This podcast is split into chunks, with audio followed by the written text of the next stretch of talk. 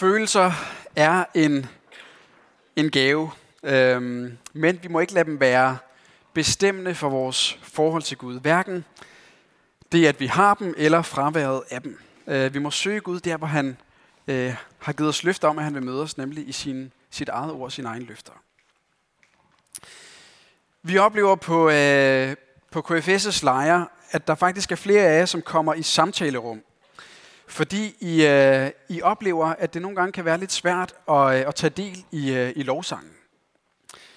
I tænker, at I må have en eller anden bestemt følelse øh, for at kunne lovsynge. Og den har I altså ikke. Øhm, og så kan I føle jer klemt. I kan føle jer forkerte. I kan føle jer udenfor. Og så stiller I jer selv spørgsmålet, øh, om der er noget i vejen med jeres forhold til Gud, siden I ikke kan lovsynge lige så glædesfyldt og inderligt som alle de andre. Vi oplever, at der er flere af jer, som, øh, som kommer netop med den udfordring. Og det sådan, du har det, så har jeg bare lidt lyst til at sige ganske kort. Øhm, husk, vi er skabt enormt forskellige, også hvad vores følelser angår.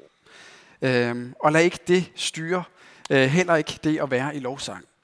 Øhm, kom som du er, øh, og vær i lovsangen som den du er, med de følelser du har.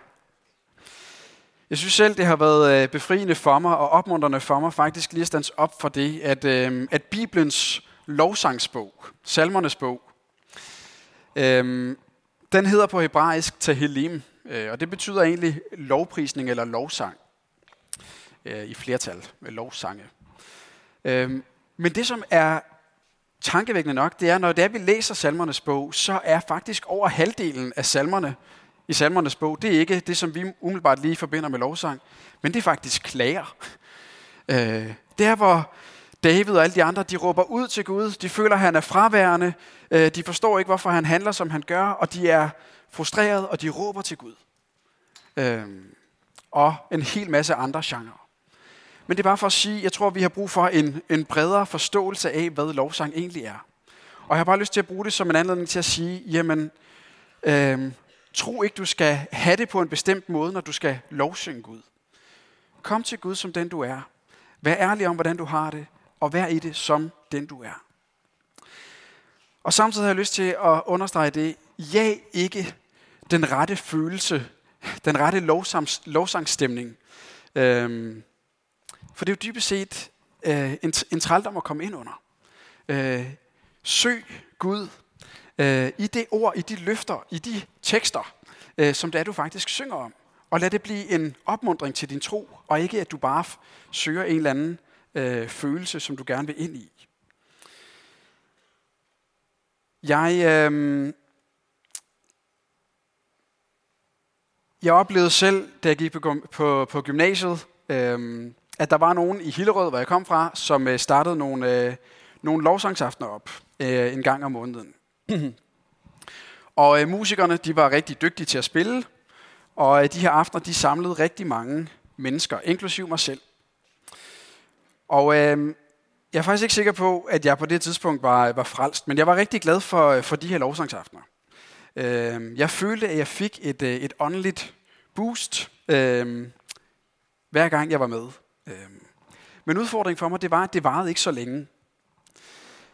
Dagen efter lovsangsaften, så var øh, mit åndelige liv lige så øh, dødt og knastørt, som det havde været øh, inden lovsangsaftenen.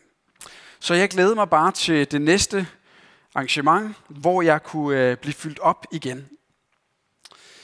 På det tidspunkt, der oplevede jeg det egentlig som noget godt. Øhm, og det er ikke for at sige noget øh, om de der lovsangsaftener i sig selv. Men jeg tror, jeg oplevede det som noget godt, men jeg har senere tænkt på, om jeg for min egen del reelt blev lidt ind i et møde med Gud igennem det, som foregik. Om det reelt var noget, som faktisk styrkede og opmuntrede min tro på, hvem Gud er, øh, og hvad han har gjort for mig, eller det bare blev et følelsesmæssigt rush for mig. For min egen del, så, så tror jeg, at frugterne i mit liv på det her tidspunkt, de vidnede om det sidste. Øh, det blev nok primært et, øh, et følelsesmæssigt rush. Og øhm, jeg kunne godt tænke mig at stille dig et spørgsmål, og jeg vil gerne bede dig om at prøve at lytte til mit anlæggende, øhm, og ikke øhm, ja, misforstå, hvad det er, jeg gerne vil sige. Men jeg kunne godt tænke mig at stille dig det spørgsmål. Hvis du skræller al den gode musik, al den stærke stemning, der kan være til en lovsangsaften, væk, når det er, du lovsynger Gud, hvad bliver der så tilbage i det for dig? Bliver du reelt lidt ind i et møde med Gud igennem de tekster, som du synger, øh, så det opmuntrer og styrker din tro? Eller bliver det for dig, som det var for mig dengang, øh, primært noget, der bare giver dig et, et kortvarigt øh, åndeligt boost, som, øh, som hurtigt er forbi, og som derfor giver dig en, øh, en længsel efter næste lovsangsaften, hvor du på ny kan få lov til at blive fyldt op og få nogle stærke følelser. En følelse af Guds nærvær. Stærke følelser, det kan vi få af rigtig mange ting. Også af ikke-kristne koncerter, men det betyder ikke, at Gud møder os i det. Det betyder ikke, at vi bliver lidt ind i et møde med Gud igennem det. Og jeg vil gerne lige understrege, min pointe det er ikke en skjult kommentar til lovsangsbandet. Jeg har også snakket med Frederik i går, øh, som jeg synes, de gør det rigtig godt. Det er heller ikke mere generelt at sætte øh, lovsangsmusik på dagsordenen. Øhm, det er heller ikke at sige, at vi ikke skal dygtiggøre os i musik i forhold til, øh, til lovsang i den kristne menighed. Mit anlæggende er heller ikke at sige, at der er et problem med at føle noget, når vi synger lovsang i sig selv. Det er heller ikke at tale ned om lovsang. Tværtimod, vi er skabt til at, at tilbe Gud. Øhm, og jeg kan selv opleve, at der, der er jeg i mit rette element. Det er en helt essentiel del af vores trosliv. Mit anlæggende, det er ganske enkelt, med baggrund i min egen erfaring, at jeg ikke ønsker, at lovsang for dig bare må være et sted, hvor du får et, et kortvarigt åndeligt følelsesmæssigt boost. Øh, et rush. Men et lovsang må få lov til at være et sted, hvor du kommer til Gud som det barn, du er. Et barn, som øh, har talt ud med Jesus om din søn, som lever et opgjort forhold til ham, og som derfor på nådens grund kommer til ham med din lovprisning, med din tak, med din bøn, med din klage, kommer som du er, fordi du egentlig bare ønsker et fællesskab med ham. Øhm.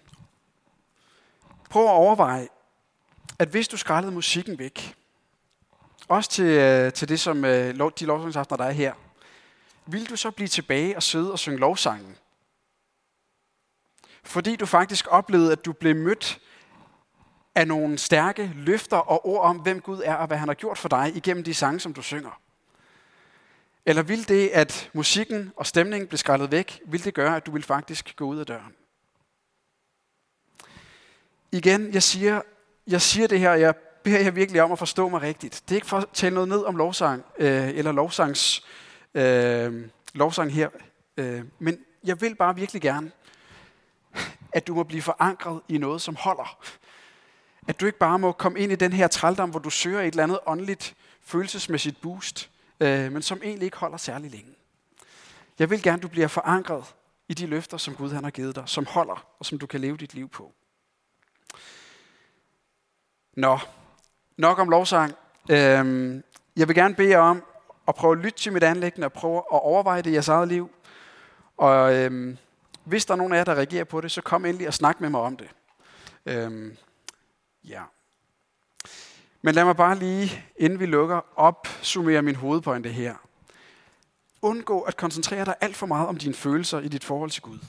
Søg Gud i det ord, i de løfter, som han har givet dig, som er urokkelige, som du kan bygge dit liv på, som står fast, også når du føler dig aller værst, føler dig allermest kold og død og tom. Der er der noget, der står fast uden for dig. Hvem Kristus er, og hvad han har gjort for dig. Det er det, Gud vil forankre dig i. Søg ham der. Nogle gange så skaber det stærke, varme følelser. Andre gange så gør det ikke. Men det er egentlig heller ikke så vigtigt. Øhm, for dine følelser, de kan komme og gå. Men der er en ting, som består, og det er de løfter, som Gud har givet os i Kristus. Hvem han er, hvad han har gjort for os. Det er det, Gud vil forankre dig i. Ja.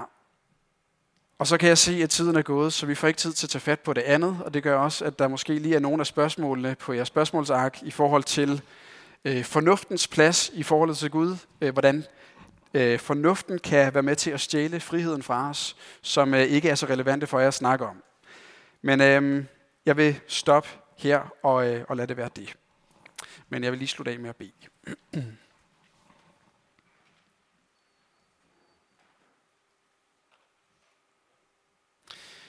Kære Herre Jesus, jeg har bare lyst til at takke dig for, at du er den samme i går, i dag og til evig tid.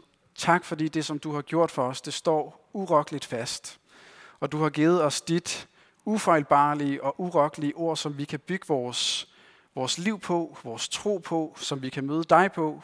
Og jeg beder dig for hver eneste af os, at du hver dag må forankre os i dig, gennem at vi bliver forankret i, øh, i de ord og de løfter, som du har givet os der.